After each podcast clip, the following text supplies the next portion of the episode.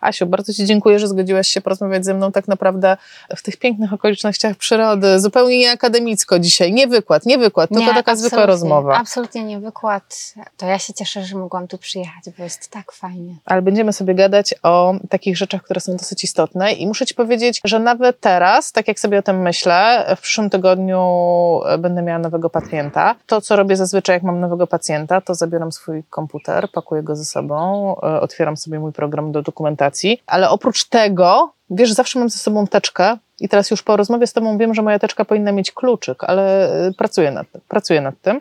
Zabieram teczkę, w której mam wzory zgód, i zanim w ogóle dotknę się pacjenta, to ja pobieram taką zgodę na świadczenie e, zdrowotne, tak? I powiem Ci szczerze, ja nie wiem, no dobrze robię nie, dobrze robię, może ja, no nie wiem, może w ogóle to nie potrzebne, przecież on w sumie poprosił mnie, żebym ja przyszła. Bardzo dobrze robisz, że bierzesz od pacjenta zgodę, dlatego że teraz się mówi dużo o tym, że pacjent musi wyrazić zgodę na każde świadczenie zdrowotne. I nawet na stronach rządowych, bodajże na stronie pacjent.gov.pl, mrugnęła mi taka informacja, że nawet jeśli wykonasz pacjentowi zabieg poprawnie i wszystko będzie ok, zgodnie z najlepszą Twoją wiedzą medyczną, ale pacjent nie wyraził na niego zgody, to tak wykonany zabieg jest zabiegiem bezprawnym, czyli naruszasz prawo pacjenta, a jeśli naruszasz prawo pacjenta, no to on może wystąpić do Ciebie z roszczeniem. No ale o cóż miałoby być roszczenie, jeśli ja zrobiłam coś dobrze? Powiedzmy, że to nawet zadziałało, no i tylko nie mam tej zgody, no to o co może być takie roszczenie? No nie wiem, no w ogóle to, nie wyobrażam sobie tego. O to, że wykonałaś ten zabieg bez zgody pacjenta, czyli że on nie wyraził na to zgodę, bo teraz znowu kładzie się nacisk na to i dużo się o takim mówi samostanowieniu pacjenta, bo kiedyś to było tak, że pacjent przychodził najczęściej do lekarza. Teraz już coś, coraz bardziej popularne staje się przychodzenie do fizjoterapeuta, ale wróćmy jeszcze do dawnych czasów, kiedy to wyglądało inaczej, że ten lekarz był takim prawie Bogiem i to lekarz wiedział, co ma być robione, w ogóle nie rozmawiał z tym pacjentem, nie mówił nic do pacjenta, przychodził, badał go w milczeniu, kładł go, robił mu coś tam i pacjent miał się wszystkiemu po prostu poddać, bo jest lekarz i lekarz wie, co ma być zrobione. A teraz jest inaczej. Teraz jest tak, że pacjent ma o wszystkim wiedzieć i na wszystko wyrażać zgodę. I żeby pacjent mógł ci tą wyra wyrazić tą zgodę na, nawet na konsultację, to ta zgoda musi być taką zgodą świadomą ze strony pacjenta. No dobra, dobra, ale czy, czy, czy, bo ja tutaj wiesz, kilka takich rzeczy od razu się we mnie budzi, no ale zaraz, no on, skoro on do mnie przyszedł jako do specjalistki, no to to jest normalne, że ja wiem, co trzeba, a nie on wie.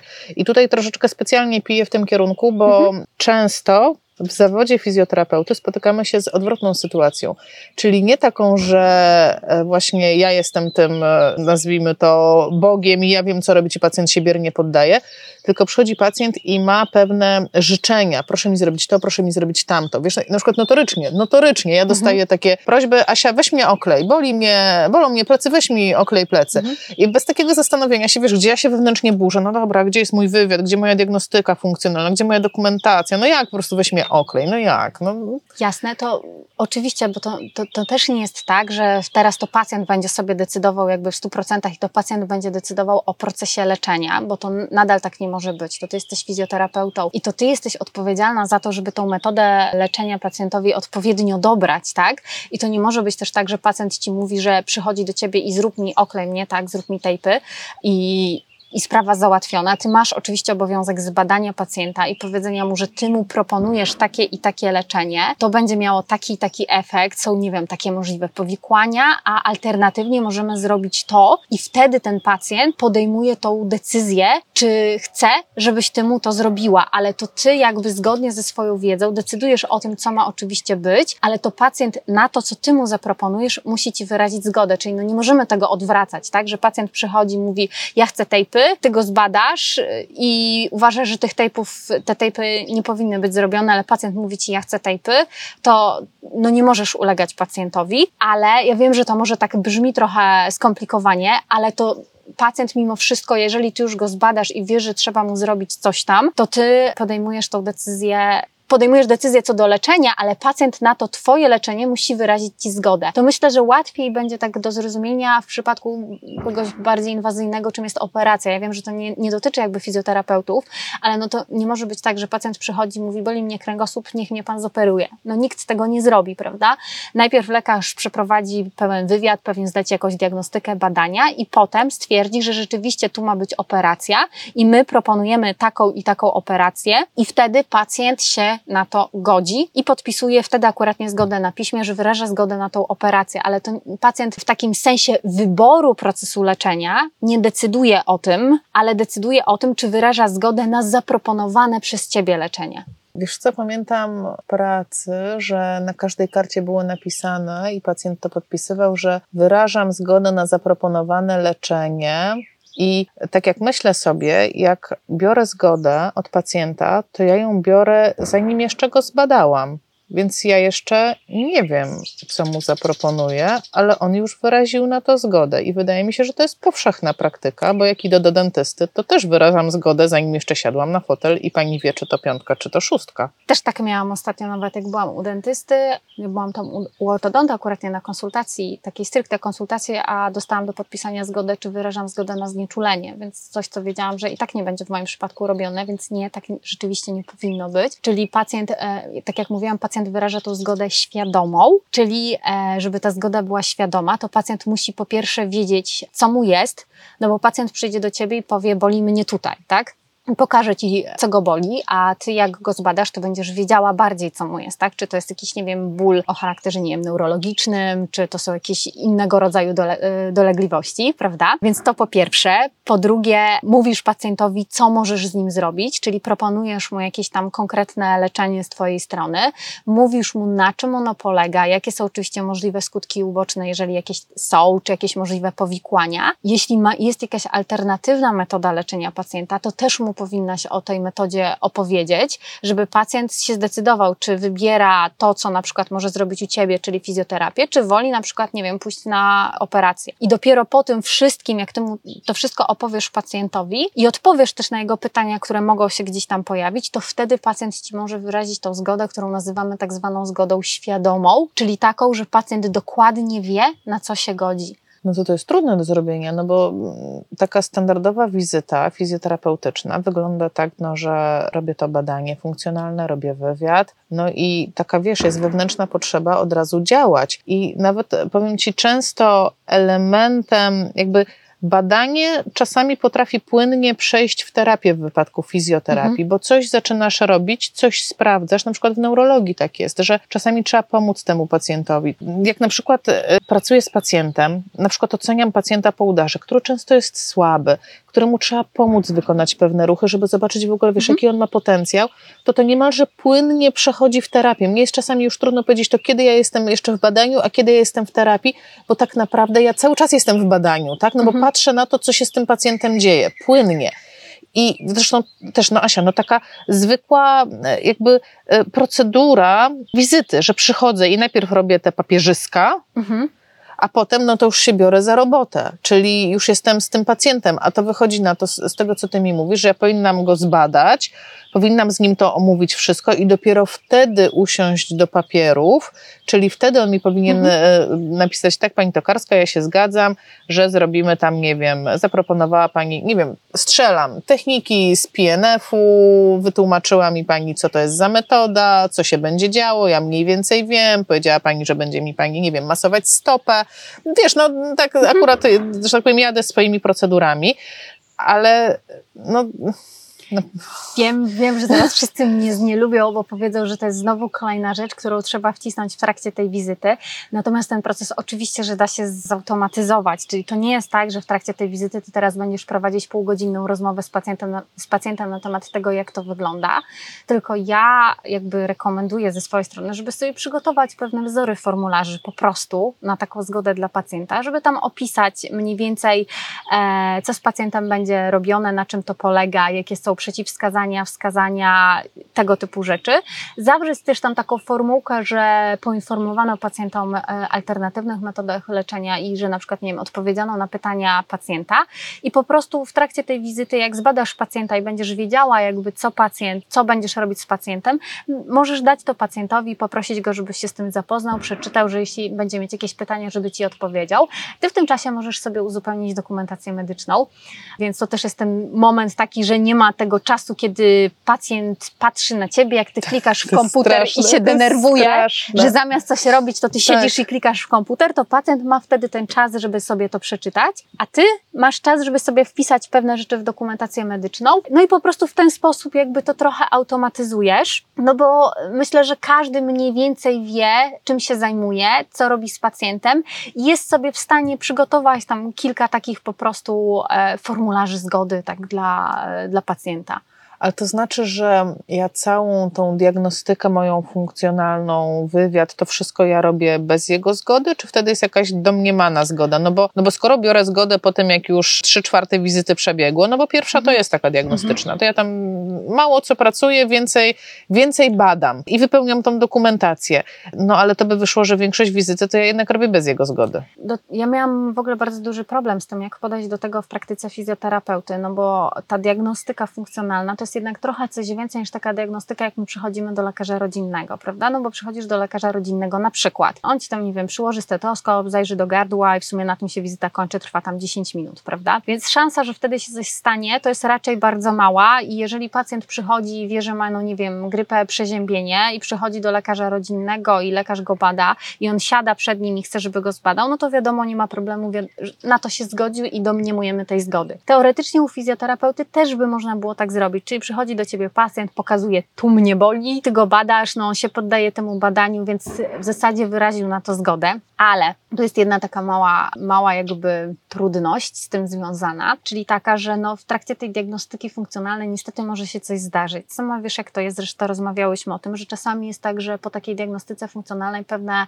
odczucia pacjentowi się pogłębią, prawda? No bo on tam zrobił jakieś ruchy, coś tam powykonywał, mu kazałaś i później, żeby nie było tego takiego problemu, że pacjent ma pretensje do ciebie, bo on nie wiedział, że mu się pogorszy po tym, że on nie wiedział, że to tak będzie wyglądało, można dać pacjentowi właśnie na początku do podpisania taką zgodę na po prostu konsultację fizjoterapeutyczną obejmującą diagnostykę funkcjonalną. Krótką zgodę z takim krótkim opisem, na czym polega po prostu ta diagnostyka funkcjonalna, żeby on miał świadomość.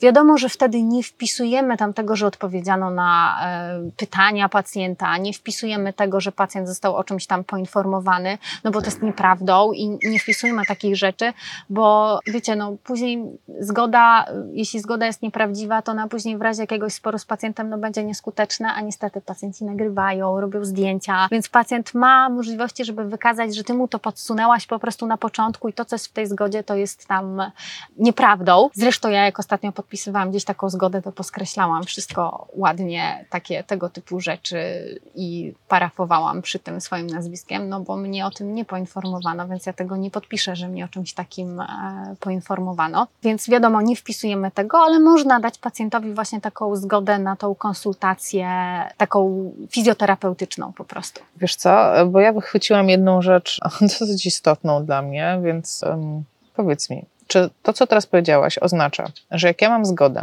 i ta zgoda jest no, na wszystko, na badanie i jest wypełniona, tak jak ty mówisz, są te elementy, gdzie że coś się może wydarzyć, tam nie wiem, na przykład może być zaczerwienienie miejsca zabiegu po, takim, po takiej diagnostyce, czy po takich, nie wiem, czy ćwiczeniach, czy no generalnie mhm. terapii, tak? Czasami są takie terapie, że może się zdarzyć nawet jakieś zasinienie niewielkie. No Bywa tak. Czasami ktoś ma wrażliwą skórę, wrażliwe naczynka, kruche i rzeczywiście tak się zdarza.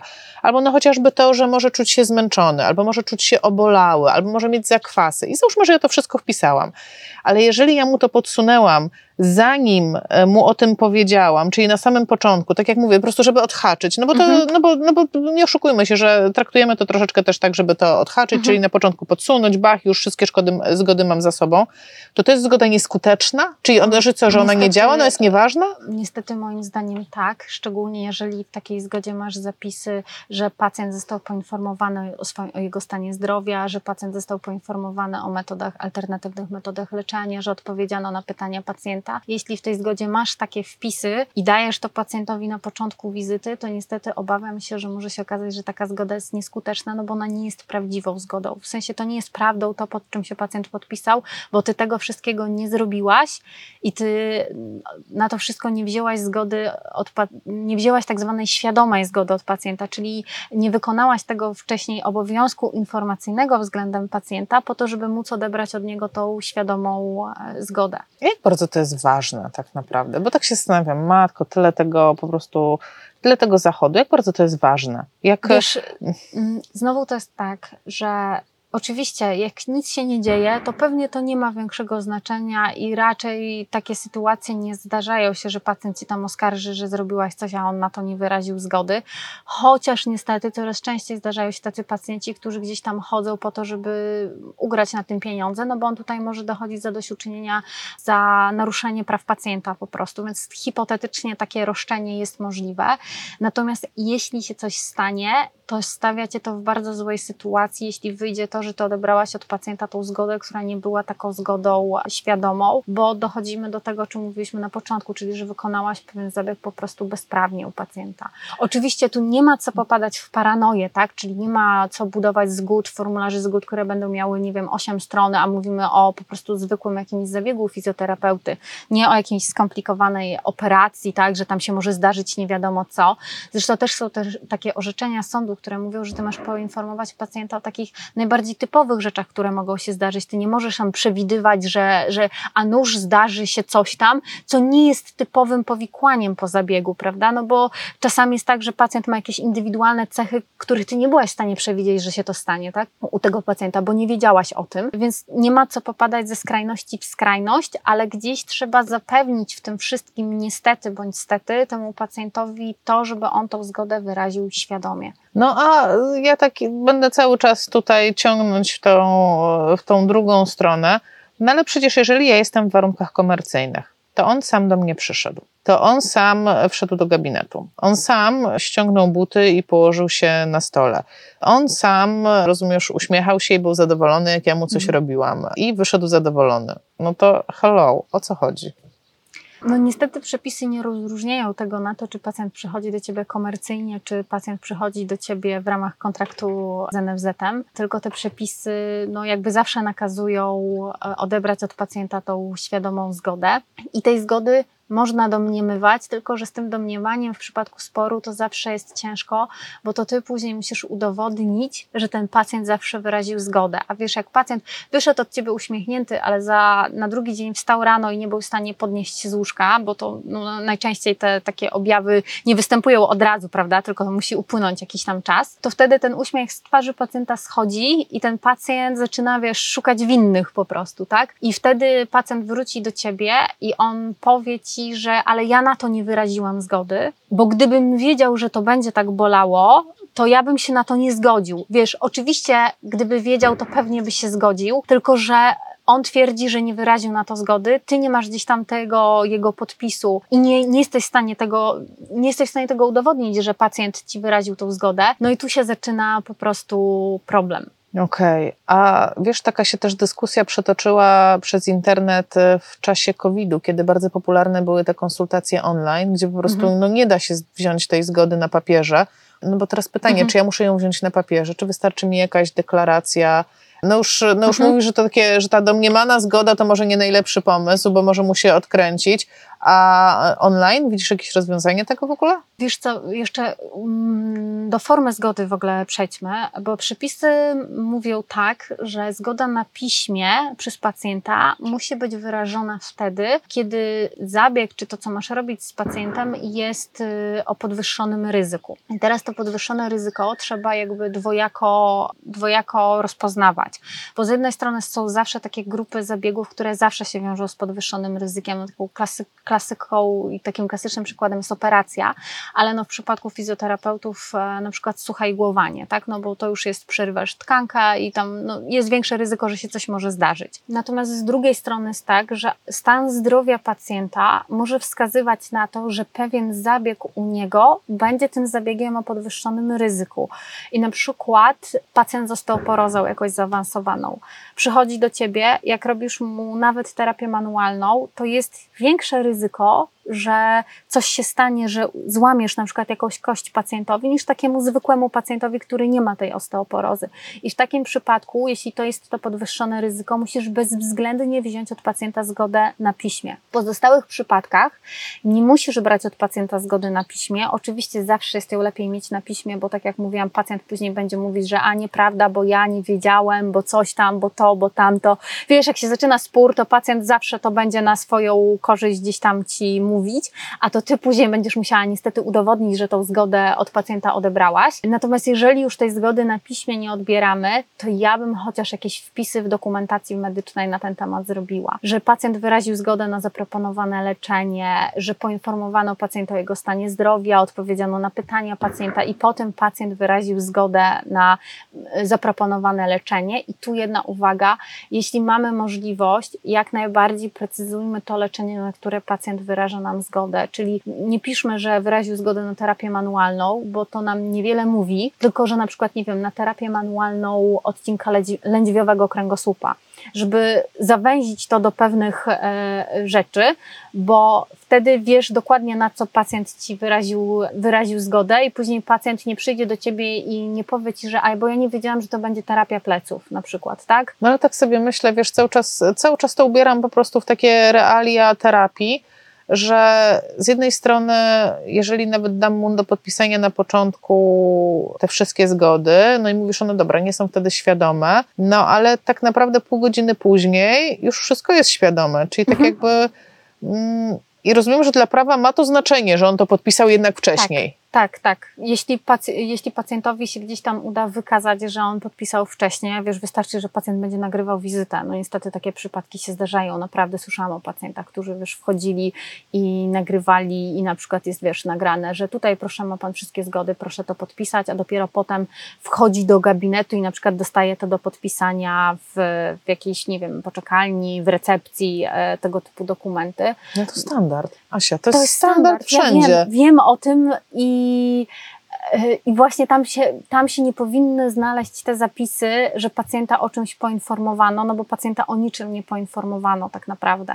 No bo nie wiesz nawet z czym ten pacjent przyszedł i wracając na przykład do tego przypadku y, pacjenta został porozą. Dopóki nie zbierzesz wywiadu, to nie wiesz, że ta terapia manualna u tego pacjenta będzie tą terapią o podwyższonym ryzyku, prawda?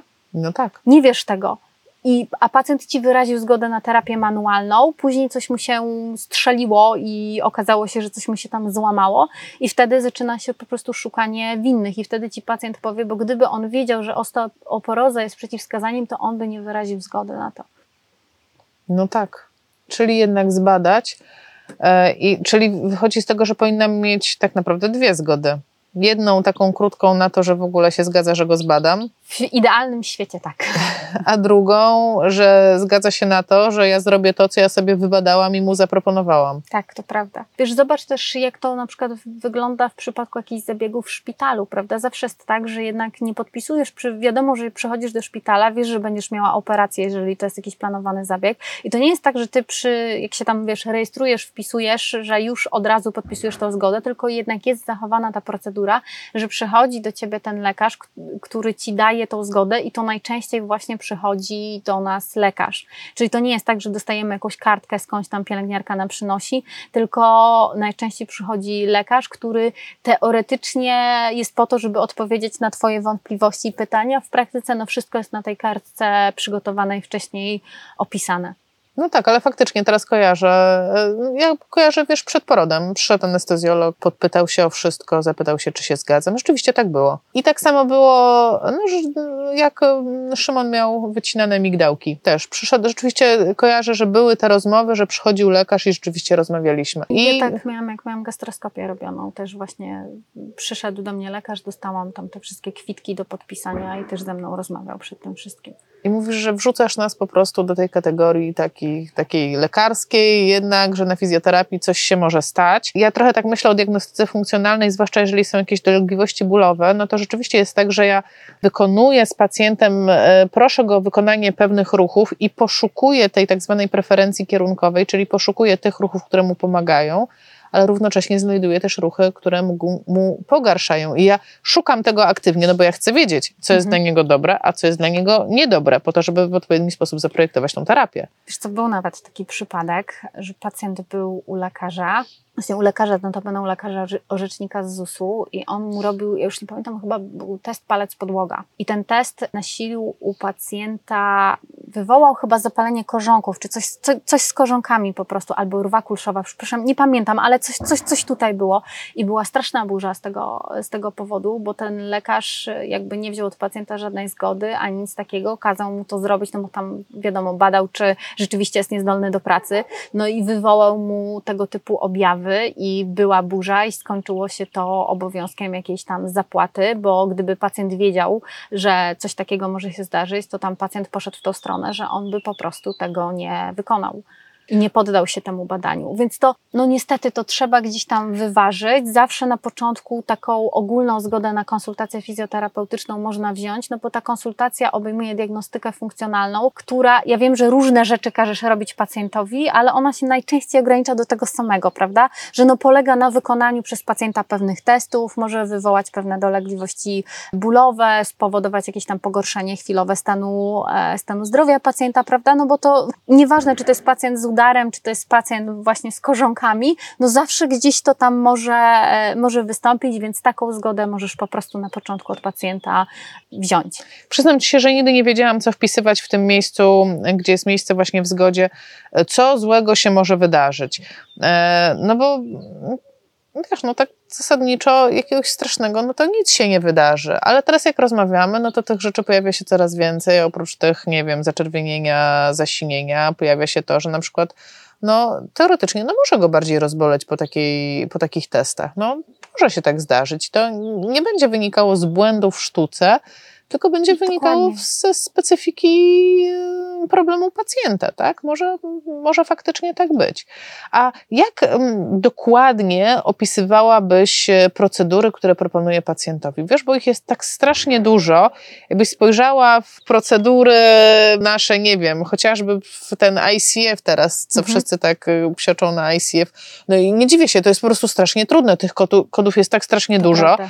że tak naprawdę tych procedur, jak ja bym się zawzięła, no to mogłabym robić setki. No i teraz pytanie, e, jak bardzo wpisywać? Wpisywać, nie wiem, no tak jak z moim pacjentem udarowym, że będziemy pracować nad, e, nie wiem, poprawieniem siły mięśni tułowia. Tak ja staram się, e, dla mnie na przykład, Wiesz to jest, wiesz, Mhm. no bo też chciałabym, żeby tak powiedzieć ci, jak to wygląda od strony fizjoterapeuty. Mhm. Dla mnie na przykład to jest stabilizacja tułowia i budowa kontroli posturalnej. Ale ja wiem, że jak to powiem pacjentowi, to on nic z tego nie rozumie, więc wolę użyć słowa e, będziemy pracowali nad wzmacnianiem mięśni tułowia, co również jest w pewnym sensie prawdą, ale daje mu taki pogląd na to, co się w ogóle będzie działo. Wiesz, ty masz tam wpisać, że pacjent ci wyraża zgodę na e, udzielenie świadczenia zdrowotnego, a nie na zastosowaną jakby procedurę. Czyli ty możesz wpisać, nie wiem, terapia manualna, możesz wpisać kinezjotaping, możesz wpisać tego typu rzeczy. Ty nie musisz opisywać wszystkich p- procedur, które Mhm. będziesz z pacjentowi robić, e, z pacjentem robić. Oczywiście im bardziej szczegółowo, tym lepiej, ale też wydaje mi się, że no nie ma co popadać w jakąś taką paranoję, żeby właśnie opisywać tymi procedurami, które będziesz robić z pacjentem. No bo po pierwsze, tak jak mówisz, on tego nie zrozumie, a po drugie, nie zawsze to się da w ten sposób y, opisać, więc jak robisz terapię manualną odcinka lędźwiowego, to wpisujesz terapię manualną. Jak robisz jakieś techniki powięziowe, to wpisujesz po prostu, że są to techniki, techniki powięziowe. Wiesz, jak wyrażasz zgodę, nie wiem, na znieczulenie ogólne, to po prostu wyrażasz zgodę na znieczulenie ogólne. Nie, nie masz wpisanych leków, które będziesz miała zastosowane do tego, żeby cię znieczulić. Mam pytanie, złoty strzał po prostu. Teraz leci boję, po prostu. Tak, kula jak na wampira teraz leci. Okej. Czy wolno mi wpisać tylko te rzeczy, które są udowodnione przez evidence-based medicine, czy mogę na przykład sobie wpisać, że a teraz to ja zrobię terapię manualną mózgu? Nie można tak. Nie, No. moż, nie można w Ale ogóle niektórzy robią, no Asia, niektórzy robią. Okej, super.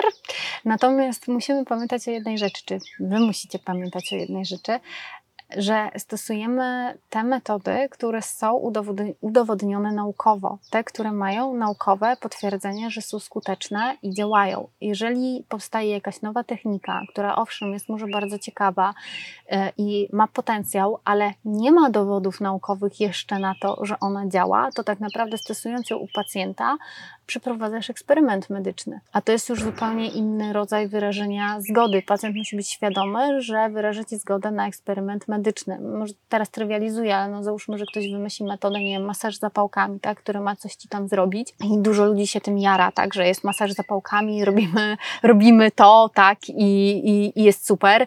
No okej, okay ale to nie jest w żaden sposób, nie będzie udowodnioną, nie będzie udowodnioną metodą leczenia, czyli no, nie możesz pacjentowi tego zaproponować, bo jeżeli to się okaże leczenie niepowodzeniem, to pacjent będzie mieć wtedy słuszne pretensje do ciebie, że zastosowałaś metodę, która jest no, nieudowodniona naukowo, a przypominam, że zgodnie z ustawą o zawodzie fizjoterapeuty, fizjoterapeuta powinien wykonując swój zawód kierować się aktualną wiedzą medyczną. To ja dodam od siebie, bo teraz myślę, że wiele osób, które nas oglądają, może mieć takie poczucie, że ojej, no to moje metody nie są udowodnione naukowo, bo nie wiem, bo mamy na przykład mało dowodów na skuteczność większą niż inne metody, nie wiem, metody tam PNF, metody Bobat, metody jakieś tam. Akurat te dwie wymieniłam, bo trudno znaleźć takie bezsprzeczne dowody, tak, tak, jak pracuję PNF-em, to będzie lepiej niż pracuję, nie wiem, Bobatem, tak, mhm. strzelam. Mhm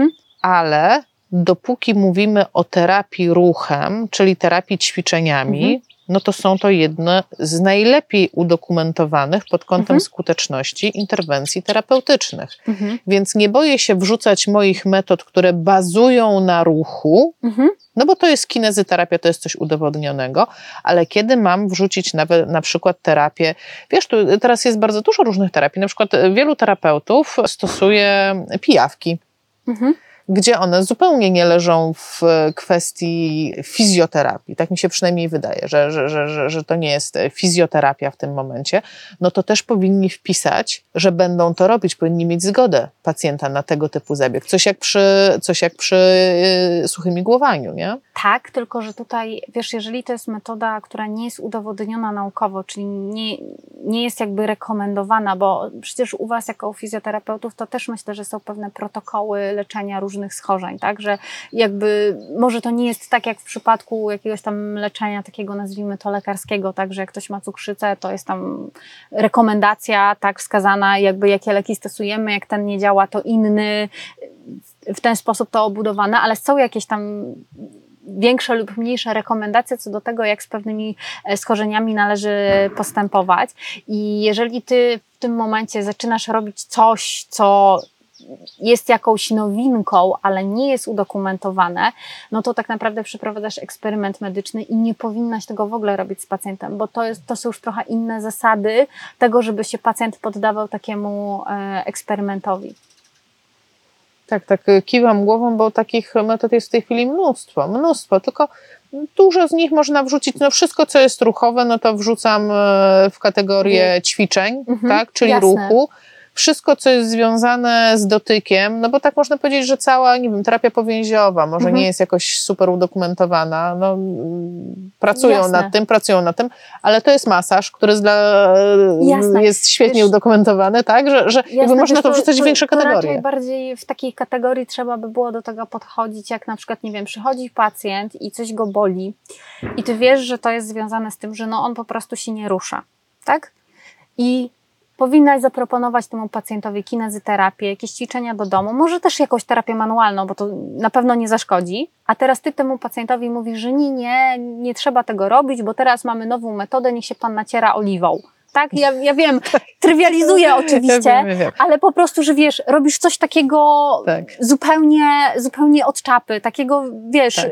że z aktualną wiedzą wiadomo, że no jeżeli ktoś ma siedzący tryb życia, to żeby nie wiem, co robił, jak się nie zacznie ruszać, to mu nic nie pomoże na dłuższą, e, na dłuższą metę po prostu. Muszę ci coś powiedzieć Ale, bo trafiłaś Nie mów mi, że jest terapia, czuły punkt, terapia e, E, smarowania oliwą. nie oliwą, ale spotkałam się z dwoma takimi terapiami e, bazującymi na smarowaniu i to jest autentyk, to jest po prostu autentyk, to jeszcze jest sprzed tych czasów, że tak strasznie głośno się mówiło o tym, że trzeba się ruszać. To właśnie taki, nie wiem, no kilkanaście lat temu ja miałam tych pacjentów, jednych, po prostu team sadło, pacjenci smarujący się sadłem z borsuka, No.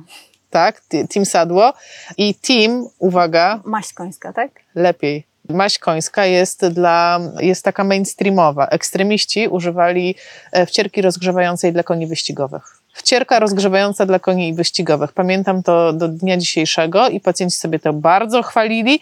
Ba, moi rodzice po prostu, co oni wyprawiali z maścią końską, byle tylko się nie ruszać. Uh. No ale widzisz, jeżeli sobie pacjent to robi sam, to jest jego jakby problem. Ale, Ale jeżeli. to do nas. Pani y, użyje tego. No nie.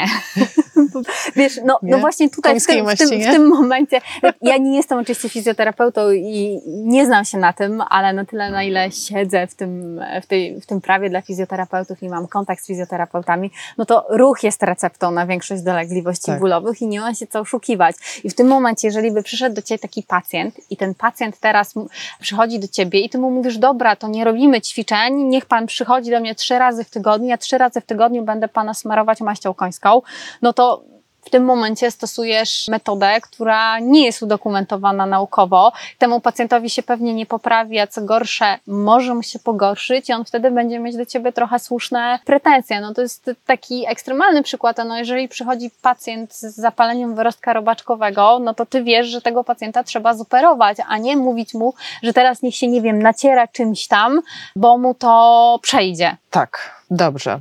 Czyli podsumowując, informuję pacjenta, że będę działać z nim i wybieram te działania z dużych grup, jak kinezyterapia, fizykoterapia, masaż, e, ogólne. Nie boję się używać takich dużych sformułowań, ale gdybym chciała, ja nie chcę, ale znam osoby, które chcą manipulować mózg, to, to jest to terapia eksperymentalna.